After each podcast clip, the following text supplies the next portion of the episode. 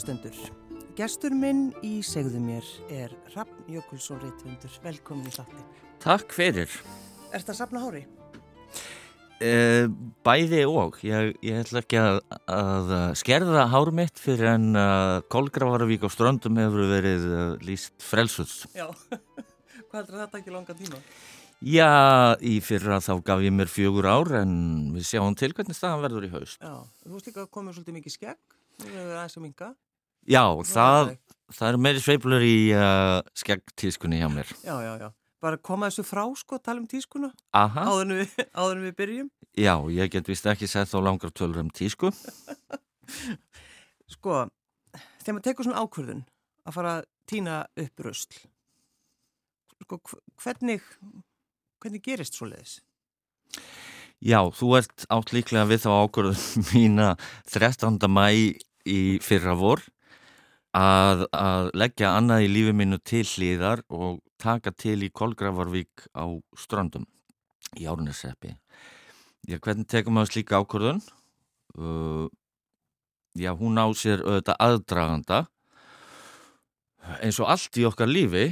Aðdragandi var kannski sá að, að, að leðurblaka hóf sig til lofts einhver staðar í Kína uh, og heimurinn breytist. Mm. Sko, ég lá á uh, bráðamóttöku borgarspítalans í janúari fyrra og ég held að það veri hjartað frekar en brísið sem var að gefa sig að því ég hafði verið að drekka brennivinn. Mm. Þá las ég frétt um uh, þennan uh, heimsfaraldur í Wuhan í Kína og þá tók ég svona ákvörðun, eða réttar að sagt ég fylltist andstigð á sjálfuð mér að liggja þarna og vera að taka sjúkraplás á bráðamóttöku að því að ég hafði verið að drekka brenniðin. Þannig að ég ákvaði að ég myndi aldrei framar uh, taka sjúkrahúsplás af þeirri ástöðu og sem að aftur leiti til þess að ég myndi þá bara ekki drekka brenniðin. Uh, það getur verið ekki beint til leðublökunar. Um þetta leiti hafði ég líka verið að taka til í eigin lífi, bókstaflega, því að ég er orðin hálf 60 og gegnum árin hefur sapnast upp. Ógrinni af dóti, drastlið segja sömur og ég hef verið með skákfélagir hókin og allskinn starf og stús og ég var með helt vöruhús nýrfi höfn, það var orðið stútvöld á dóti og það var úr fatasöfnunum próksins og skákstarfinu okkar og, og mitt eigið. Þannig að ég var byrjað að taka til. Þetta var svona eins og að ráðast til allu í 50 bílskúrum eitthvað svo leiðis og ég ákvaði að taka til í lífið mínu þannig til ég væri búin að flokka bara brevaklemurnar og, og pennana og, og allt heila dótið og myndarsafni í tölfunni og allt þetta. Þannig að ég var komin í svona ákveðin tiltektar gýr mm. og ég leitt á á uh, Uh, já, þessi hugljómun þarna í janúar í fyrra. Þegar ég áttaði mig á því að, að heimurinn væri að breytast og hann erði aldrei samur og að allt mannkinnið væri á leiðin í óvissu ferð saman í fyrsta skipti í veraldarsögunni, allir og við all á mismundi farimum, vissulega. En allt mannkinnið í óvissu ferð og ég er svo skrítinn að ég fagnaði þessu, ég leita á þetta sem stórkostlegt tækifæri. Ég bara það er, sko, það er fólk sem gerir það. ég, ég láði þarna í, í, í fórsvöðunum hálgjast flag og bara láfið að ég hrópaði húra þetta ekki fyrir drepsótt en fyrir því að þessi heimur sem að sem að við þekkjum að hann væri nú kannski bara breytast og mögulega líðundi lók þessi, þessi geggjaði heimur neysluhyggju og fyrringar þar sem við látum eins og við séum eini heiminum. Og það sem að allt hefur verið að fara til fjanda svo lengi og allir hafa vitað en enginn hefur gert neitt í því En maður tekur ofta Þannig að, bara til þess að klára þetta mín kæra Já. þá átti þessi ákvörðun mín í Kolgravík að fara að taka til í, í Eidvík, hún átti sér svona ákvörna forsögu og, og var í rauninni röggrétt framhald í að bara halda áfram að taka til að því þarna hafði aldrei verið tekið til í 50 ár eða 60 ár. En þú tekur kannski, maður tekur einhverja svona ákverðun þegar manni líður einmitt illa. En svo, svo fer manni kannski líða þess betur, þá, þá, hend, þá bara hendir maður einhverju svona brjálæðisleiri ákverðun, en þú gerir það ekki.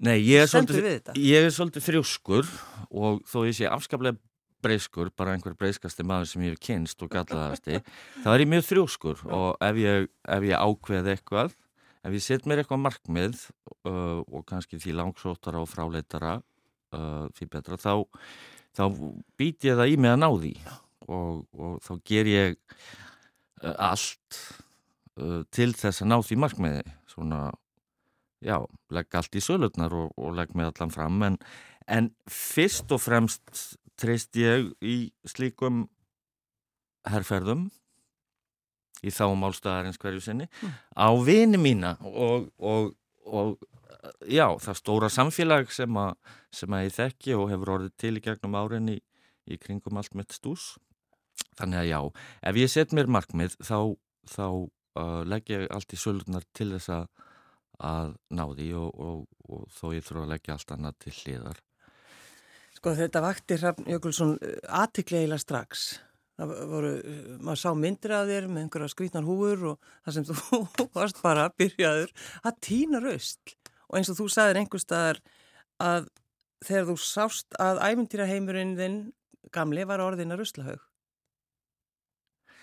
Já, sko, til þess að, að setja þetta eins í samhengi þá er Kolgravarvík þar sem að ég byrjaði mína tildækt í fyrra vor. Hún er í landi Stóru Ávíkur sem er í Árnesreppi á ströndum og ég var þarna í sveit þegar ég var ungur drengur á síðustu öll, kom þarna fyrst 1974 bara bráðum hálf öll högsaði þér ha. en þá var Kolgravarvíkin ævintýra heimur og hún var líka svona mjölkur kýr því að þangað barst svo mikið af trjám frá Sýberju. Það var ekki bara búbót, það var einn helst bara megin stóð margra búa á ströndum því að þetta voru lítil, lítil söðfjárbú og, og, og hlunnindin sem að fengust af, af reykjavinu voru svo mikil. Mm. Þannig að ég var, var marga, mörgum stundum í Kolgráarvíkinni sem er ævintýralegur heimur. Þannig er svo mikið af af fallegum klettum og, og, og dröngum og þarna eru náttúrulega einhverjar uggvænlegustu söguslóðir okkar uh, sögu, Íslandsögunar því að þarna byrjaði sjálft galdrafárið þarna kistu vogur þar sem að fyrstu brennurnar fóru fram 1654 mm. Þannig að þetta er þetta Það var semst í fyrst, bara fyrstu brennurnar á Íslandi Já, fyrsta brennan hefði reyndar verið áratugum áður en allir, allir fræðimenn eru sammálum það að, að brennurnar þrjári í september 1654 í, í Kistuvói í Tryggilsvík hafi markað upphafið að galdra fárinu á Íslandi. Mm. Uh, þannig að þetta er magnþrungin staður og þetta var, já, og er einn fallegasta vika á Íslandi en hún var sagt, sundurtætt af rustli og drastli sem að ég hafði verið að nexlast á svo lengi en, en ákvaða að væri mál tilkomið að, að gera eitthvað í. Já, en það er akkurat þetta. Það er auðveldara, hefði verið auðveldara fyrir því kannski bara loka augunum fyrir þessu, koma þér aftur í bæin. Nei, það hefði, það hefði ekki verið auðveldara, ekki, ekki þegar ég hef tekið svona ákvörðun. Mm, nei, þá, þá bara miða ég allt við það. Ég ákvað bara bókstálega að hef ég nýtt líf í, í þessari Eðivík og, og byggja líf mitt á bara búa til nýjan heim úr draslinu og djástnunum sem minnum ég á, ég er hérna með töfrastein handað þér já, úr Kolgravarvík Þetta er galdrasteitt þá? Þetta er galdrasteitt, já, já, já. Hann er, er frábær þessi, takk fyrir þetta Þetta er svona eins og hauskúpa Já, þú segir það. Ég, ég sá þarna fallegt blóm. Já, munun og þér og mér. Ég sá bara hauskupu, þú sér blómið. Þú ætla skáld. en eh, byrjaður eitt, fórstu bara með, með svartan plastboka og byrjaður að týna? Eða hvernig byrjaður á þessu? Já, ég byrjaði nákvæmlega þannig. Já, það var bara, það var bara ég tek með mér hérna þessa plastboka og týna þess. Já. Já. En stóru hlutinir? Ég, við, ég dröslaði þeim bara á eitt stað og þessu var sapnað saman vikum og mánuðum saman og svo fórum við í haust, þá var ég ekki lengur einn, þá var ég komin með ekki síst veraldarvinina mína í liðið segðar frá þeim á eftir en, en við fórum og náðum í Ablan úr Kolgravík núna í haust. Það voru vagnhlöss sem að Ingólfur Járnesi dröslaði upp úr Kolgravík fyrir okkur og sem við fluttum síðan söður á samt uh, meira drastli og djástnum og, og síndum núna. Akkurat. þeirri síningu var einmitt að ljúka núna bara á, á lögardaginn Kolgrafar við kemur í bæinn. Það var alveg svakalega gaman að, að koma með fósturum mína Kolgravík og, og sína bæði hvað hún hefur upp á að bjóða og hvað við vorum að að ná í. Því að þarna er bara fordleifa rustla saga okkar 50-60 ára aftur í tíman Já. til þessa dags neistlu sagan okkar og plastsagan. Þannig að já, mér leiði stundum eins og fordlega fræðingi og stundum eins og mannfræðingi og... en aðalega snýst þetta nú samt snýst þetta um það að, að þó sé gaman að fjörurnar séu fallegri og, og, og meira skemmtilegt og gefandi að ganga um fjörur sem er ekki fulla drasli þá snýst þetta fyrst og fremst um að frelsa lífríki strandlengjunar undan þessum hróða frá manninum Mm. því að það er lífríkið við strandlengjuna sem að kvelst undan þessu plasti og netum og, og drasli og ekki bara í fjörunum heldur er þetta berast inn á landið og, og jarðvegurinn þarna upp á fjörunum í strandasíslu er við að gegn sósa af áratuga gömlu plasti, þannig að það þarf að hreinsa svo mikið að jarðvegi þarna líka sem gerir þetta svolítið seinlegt en, en, en þetta snýst um það að, að, að frelsa ormana og ánamarkana, sem sagt félaga þeirra og, og kongulætnar og, og játsmiðin og, og, og marflóna og þetta er okkar skjólstæðingar fyrst og fremst. Já, já. Já. Sko þegar að allt í innu fólk fór að hafa sambandið þig, vildi koma og hjálpa. Varstu sko sannfærir fólk eða bara mætti það til þín?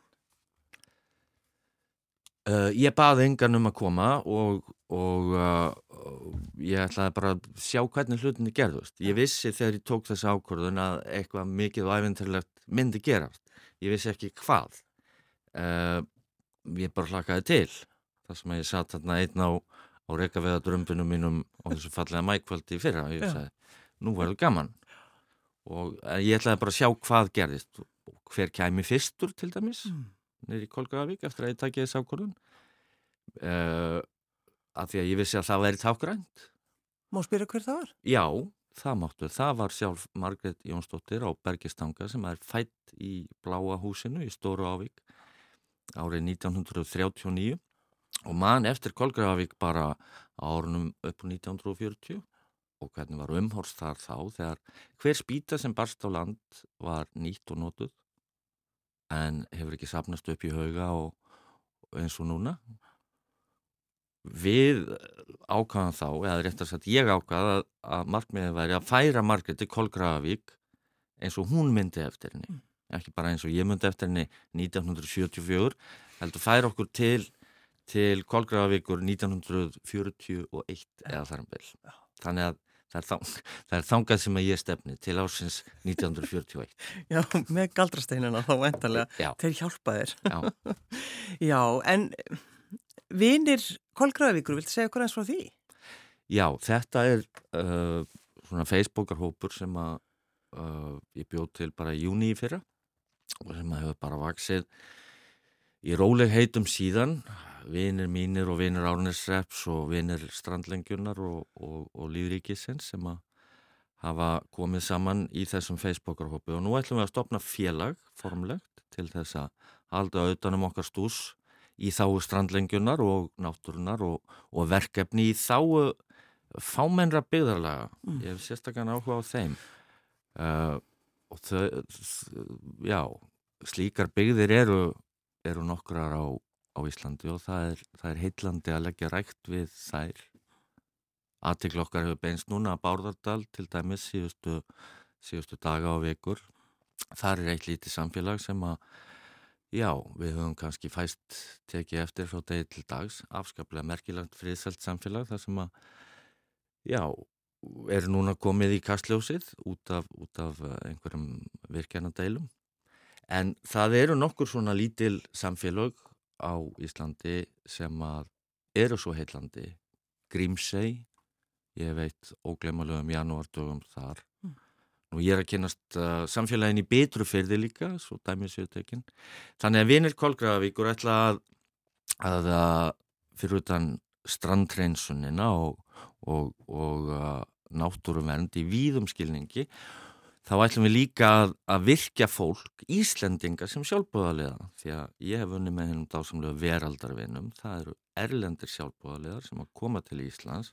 Og það unga fólk vinnur eiginlega megnið af því sem að gert er í þáu náttúru Íslands í sjálfbúðarvinum með fullri virðingu fyrir öllum þeim hundruðum og þúsundum einstaklingar sem að á hverjum degi er að taka til í kringum sig, það eru mjög margir sem bara fara út með boka og, og, og taka til í gödunni sinni mm. eða bara tína rausl tína rausl, þetta er svo einfalt. Ég læriði þetta af, af eldri dóttu minni bara fyrir nokkrum árum. Hún og, hún og Greta eru svona mínar fyrirmyndir í þessu stúsi öllu. En já, vinir Kolgavíkur ætla að virkja íslenska sjálfbáðlega því að við getum öll, öll lagt eitthvað að mörgum mér langar svolítið að sjá í þá náttúrunar eitthvað svipað og okkar stórkoslu björgunarsveitir. Minni allavega að, hérna nú er verið að selja neyðarkallin emitt þannig að við verðum að, verðum að hjálpa björgunarsveitunum.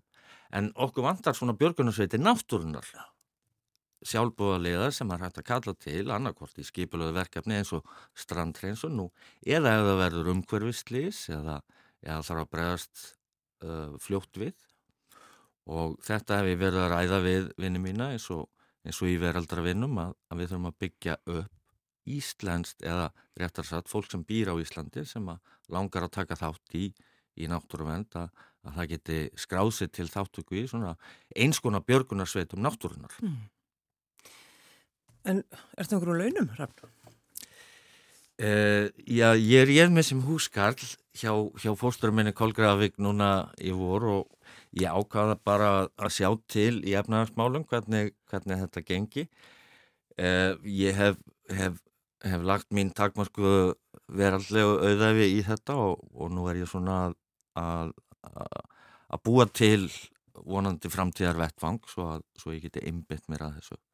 En nei, ég nú ekki, ekki, hef ekki verið á förstum launum, en ég nú því. Ég, ég held að síðast þegar ég fekk launaseðil og þá ekki sem, sem verktaki, heldur sem launasegl, því að ég var með sem verktaki sem rittstjóri alþjóðblasins í eldgamla daga, en síðast í launaseglinn sem ég fekk, það var öruglega hérna frá Alþingi þegar ég tók sæti fjóra daga á Alþingi hérna 1995 þá, þá fekk ég svona launasegl Já, já, þannig að þú orðir á hann bara að hissa. Já, það er svona já, sem þetta er. Það er svona sem þetta er, sko. En, en, en já, síðan hef ég bara verið, verið eiginlega á einvegum í mínu stúsi, hvort sem það verið í skáki eða grænlandsmálum eða rittstörfum eða, eða öru. Þannig að ég var í ágætri æfingu þegar ég gerðist þarna útlægi í, í Kolgravík í fyrravór. Mm. Ég man eftir sögu frá mömmuðinni þegar hún er að segja frá því hún hefur skrifað bók Ást á rauður ljósi held ég, heitum það ekki? Jú. Að því að bara það vantæði salt í grötin. Nei, þau vantaði reyndar fyrir pústningunni á hús sem Nú, að þau, já, þau voru að koma sér upp, upp húsnæði á Seldarnanesinu og, og það vantaði fyrir pústningunni. Og, og þá fekk vist Jökull þessa snildar hugmynd að, að, að Jóhanna skrifaði bara skáltsu og hún var þá 20 og tvekja patnamóður og, og nýjútskrifuður MR og svona. Og já, já. þannig að já, þá settist hún niður og skrifaði þessa bók já. og hún var meðslubók og það var hægt að Ég held að þetta var döga bara fyrir pípulögnunum líka. Það er, ég spyr, er að rifja þetta upp hrafn vegna þess að, að þú ert að gefa út bókina þín aftur sem þú skrifaðir, já fyrir, hvað? Hvað er langt síðan skrifaðir hana? Heyrðu, þar sem vegurinn endar, já. ég skrifaði hana á uh, þremur fallegum veikum í september 2007 mm.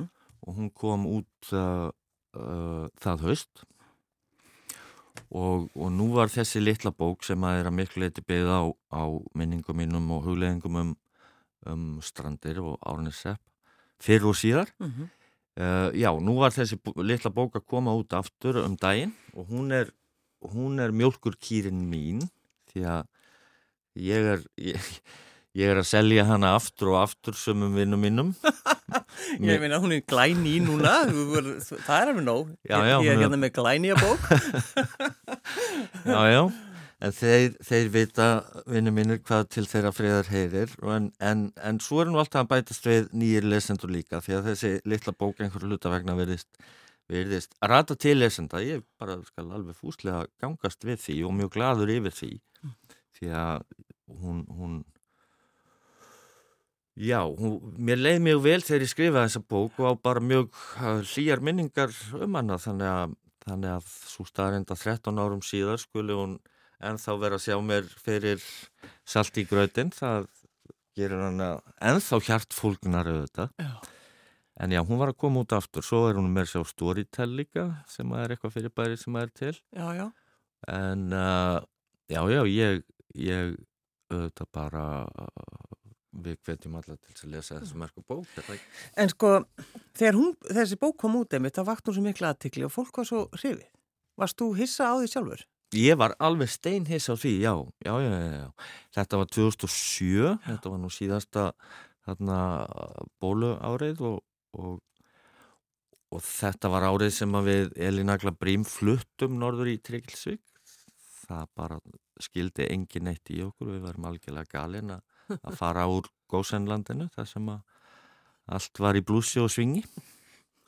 En já, þessi, já, ég, ég var mjög hissa á því hvað hvað bókin seldist vel og mæltist vel fyrir og, og svo var ég ekkert síður hiss á því þegar ég áttaði mig á því svona með árónum að, að hún viltist uh, lifa, alveg bara fínu lífi Mm -hmm. og þessi bók er mér óviðkomandi því að ég er svolítið annar maður heldur en þá sem að skrifa hana þessa hösta 2007 ég myndi skrifa allt öðruvísi bók núna, Mm. allt öðruvísi en, en uh, Betri? ég veit ekkert hvort hún er því betri, hún er því bara öðruvísi Já. uh, en, en já, mér þykir vænt um, um þessa bók, alveg eins og mér þykir vænt um árunnesrepp og fólkið sem að þar býr Hefur einhvern tíman hugsað um það hvað það er sem gerist hjá manni þegar að einhver svona staður fyrir bara beint inn í hjartað og þú bara losnar ekki við það? Uh, já, auðvitað. Ég veit ekki hvort að staður fyrir beintin í hjartað á manni. Ég held að maður vaksi inn í staði eða, eða öfugt og það gerist svolítið með tímanum. Ég, ég var svo lengi uh, þegar ég var strákur ástrandum. Ég var fjórðung úr ári uh, þegar ég var 8 og 9 og 10 og 11 og 12 ára. Mm -hmm. Og ég var úti í náttúrunni uh, mest allan tíman þessa sumar mánuði, annarkvort að vinna eða leika mér. Þannig að án þess að ég áttaði mig á því, þá var ég svo mikill hluti af, af þessari náttúru. Þegar ég kom í bæinn á haustin og allir vinni mínur höfðu verið í fótbolta um sumarið, þá hljóp ég hraðast af öllum því að ég hefði verið að smala og, og, og, og hlaup upp um fjöll. Ég var sá sem að flög upp kalana því að ég var bara svo handsterkur.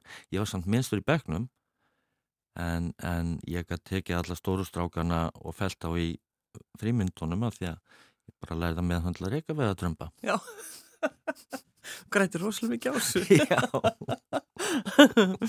Já, en svo sko fjarlæðistu staðinu einhverju tímapunkti í þínu lífi? Já, ég gerði það. Já. Já, auðvitað á, á svona og olgu og óreiðu árum svona mill 20 og 30 og upp á því þá, þá, þá fjarlæðist ég svo margt úr, úr minni bernsku og mínum uppruna. En svo kemur það til mín aftur síðar og, og sterkara og öðruvísi og, og það er það er gott að geta leitað á staði sem maður hefur sterka og djúpa tengingu við ég á ekki rætur á ströndum ég, ég var sendur þangað en ég hef tengingar þar Já. En uh, býrðu þannig í dag, Hrafn? Já, þá svo að heita að, ég búi í Norðurfyrði og, og sé skráður þar til heimilis. Ég hef reyndar ekki komist mikið heim síðustu mánuði því að það verður svo mikið að gera í, í kringum ofnbæra heimsók Kolgrárvíkur í bæinn. en nú er við að vona að, að, að við getum fundið þeirri síningu varanlegan samastað. Þannig að við getum sínt krokkum, já, krokkum á öllum aldri, dásemdir fjörunar og, og uh, líka kynntöi fyrir lífríkinu því að það er svo mikilvægt. Við fengum krakka hópa á síninguna okkar núna og það var svo gaman að upplifa þetta með þeirra augum og höndum því að þetta er síning það sem á snerta allt. Það fannst þeim mikil kostur auðvitað mm. og öllum. Jú, jú. Uh, þannig að við erum að vona að, að þessi síning getur bara haldið áfram og, og þróast og elst og dapnað og, og erum að tala um það við meðal annars við nokkar hjá mentamálraðanitinu og, og náttúru minnjasafninu sem við erum í mjög góðu samstarfi við.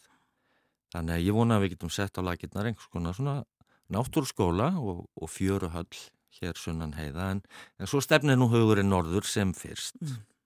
Það er að segja að þegar vinnur okkar samgöngur á þeirra er búin að móka. móka. Já, hann heyrir þetta, hann er að hlusta. Já, hann hlustar alltaf á þig, eins og allir. Jú, jú, jú. en það, það er sko akkurat þetta að, að komast á staðinn. Um, hvað heldur þú sjáir á ströndinni þegar þú mætir núna aftur því að það er svolítið langt síðan að þú komið? Heldur það sé allt orðið fyllt á rusli aftur? Nei, ég er sem sagt svo klikkar, ég hlakka einmitt til að fara og sjá hvaða rusl ég finn. Já. Því að það, já, sérstaklega á fjörunum í, í Tregillisvík, mm. uh, Finnbóðarstaðafjörunum og, og Stóravíkufjörunum sem við fórum mjög vandlega yfir síðasta sumar, uh, þá verður mér frólægt að sjá hvað hefur bæst við mm. í, í vetur. Ég, á, ég held að ástandið sé nú ekkert skelvilegt, það hefur ekki komið svo í viti neitt feikilegt breym því að því fylgir oft svo ópóslega mikið af rusli sem berst langt inn á land. Já. En þetta verður mjög spennandi að sjá. Það er endar náttúrulega mest allt undir snjó núna en ég hef örgar heimildir fyrir því að februar verði alveg einstakur mánuður í veður blíðu þarna fyrir norðan. Það er dásamlegt veður. Já, já. en er einhver Jökulsson í sveitinni sem að finnst þú skrytin? Já, alveg öruglega alveg öruglega þetta finnst hérna alls konar fólki uh, alls konar hlutur um mig Býtu, var það ekki einhver þingmaður var það ekki einhver þingmaður sjálfstæðismanna á Norðurlandi sem að sem að saði að, að já, það var einhver tilnefing kjósenda að, að líka þeimun betur við hann sem að byggju fjær frá honum og, og þetta er engin spámaður í föðurlandi og, og allt það sko þannig að jú, jú, ég hugsa að ég þykki alveg, alveg svolítið skrítin en, en það vil nú svo til að, að í samfélagi strandamanna þá er þá er mikið umburðalindi fyrir sérfisku auðvitað mm. því að að sérviska er nú það sem að, að gefur lífinu lit þetta væri ekkit fút ef við værum öll alveg nákvæmlega eins og nú meðan ég er ekki að vinna meira skadræði heldur en að taka til þá, þá hlýtur þetta að vera í lægi. Hvað er það rosalasta sem þú er fundið á, á ströndinni? Síðan þú byrjaðar Þetta er alltaf jafn erfið spurning Já. því að ég hef fundið svo margt og við mm auðvitað hefur klassiska flöskuskeiti, það skiljaði sér snemma, sendt frá Jan Mayen 2014. Ég er að vona þessi ríki frændin sem ætlar að kosta hreins og strandlengi í Íslands. Ég er að reyna á veikumandi. En svo finnum við allt millir heimins og jarðar. Það er náttúrulega endalust að veiðarfærum og, og plastóti og svo leiðis en bara allar þína neysluvörur sem á annar bort fljóta, það skilja sér mm. að lokum, hvort sem það er tampustin eða greiðan eða gamla segulbandstækið sem að ég fann hérna í sömar í Bæjarvíkinni eða bara allt þetta rustl okkar Gamal segulbandstæki? Já, Hvað spólan er þá í? Nei, því miður, ég held að það veri Lonely Blue Boys Já en, en það aftur ber okkur að þeirri hryggilegu starinn að það er ekki nema örlíti brot af því sem að lendur í hafinu af plasti sem að skila sér upp á strendurnar, mm. það er, ég las einhverstar bara 6%. Það, það er uh, hinn skjálfilega að tala sem að er mér þá ámenningum það að ganga betur um plastið og ég er sko síðasti maðurinn í heimir til þess að breytika yfir öðrum með að segja hvernig það er að gera hlutina uh, bara hvernig ég er að gera hlutina það er bara minga plastnótkun og láta það ekki fjúka át í náttúruna og mjög einfaldir hlutir sem að ég hefði gett að byrjað á fyrir áratugum því að okkar kynslu hefur vitað hvernig ástandið er í öll þessi ár án þess að gera neitt. Það þurfti, það þurfti skólaverkvall í Svíþjóð til þess að leiða til einhver sem að lokum vakti mig. Jú, á samt kýmversku leiðublökunni. Já, já, já. En, en já, ég skammast mín í raun og veru fyrir að hafa ekki byrjað löngu fyrr Mm. því að fólk var að byrja að tala um umhverfismálinn bara fyrir miljón árum. Það er eitthvað samt fallit við að mitt að dóttiðin hafi bent þér á og það er alltaf að taka upp þetta plast sem þú lappar framjá. Já, hún bendi mér ekki á það. Ég tók eftir því að hún var að gera þetta. Já. Hún fór ekki að predika yfir mér og Það- þetta er besta leiðin til þess að hafa áhrif og það er ekki að ég siti til dæmis hér og messi yfir þér um hvernig þú átt að lifa þínu lífi heldur bara að ég fari nýr í fjöru og taki til og ef það er þér innblástur þá er Mm. það æðislegt.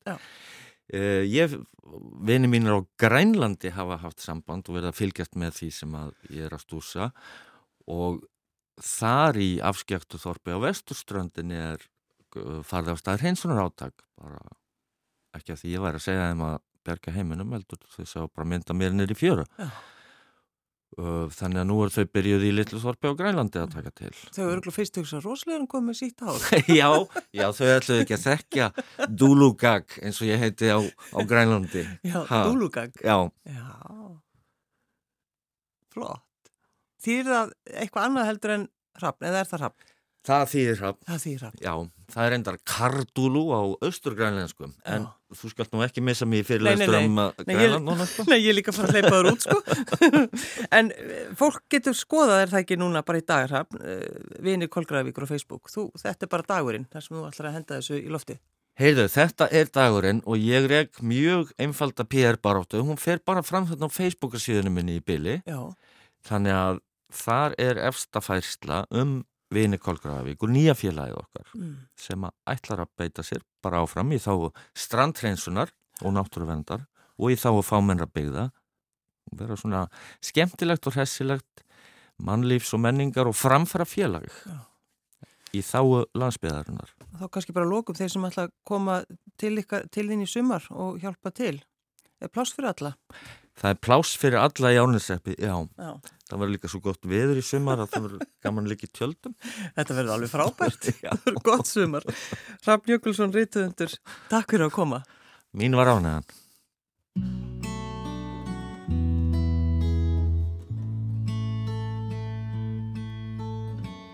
Þú sefur eins og sólinn skín í og sér hvert andartak sé alveg nýtt. Ég sitt hér yfir tekrús og tíminn líka er til í allt. Hjá mér. Ég maul á einni bröðsneið og brátt í háttin fer. Í bælið mitt þér. Ég sitt hér einn og södra hægt mitt te. Þú sefur vært og eins og ekkert sé. Ég held þig sé að dreyma um heiðan morguninn. Og hægur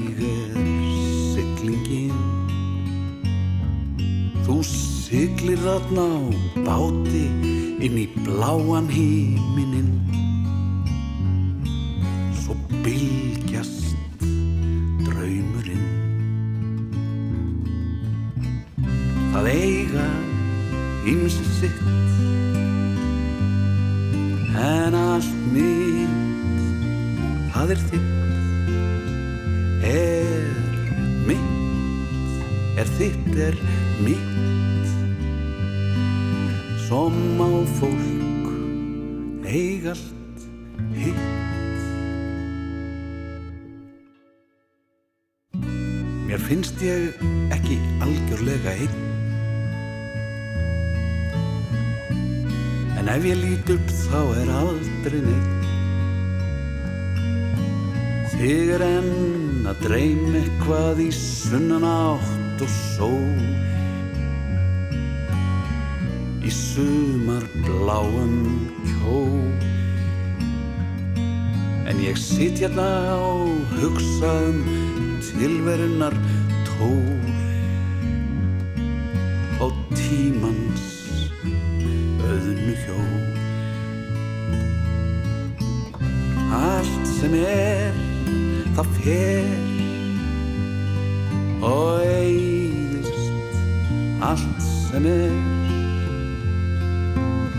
og hverfur sjálfu sér. Og samt er lífið hér. Tíminnan er vatn og tengir sig. Í tekrúsinni þessa stund við mig. Allt fram streymir endalust í andartagsins ró. Af eilíðin er nóg. Ég hjúra mig svo hjá þér og þeim Morfeus og Kó. Hér í Hosiló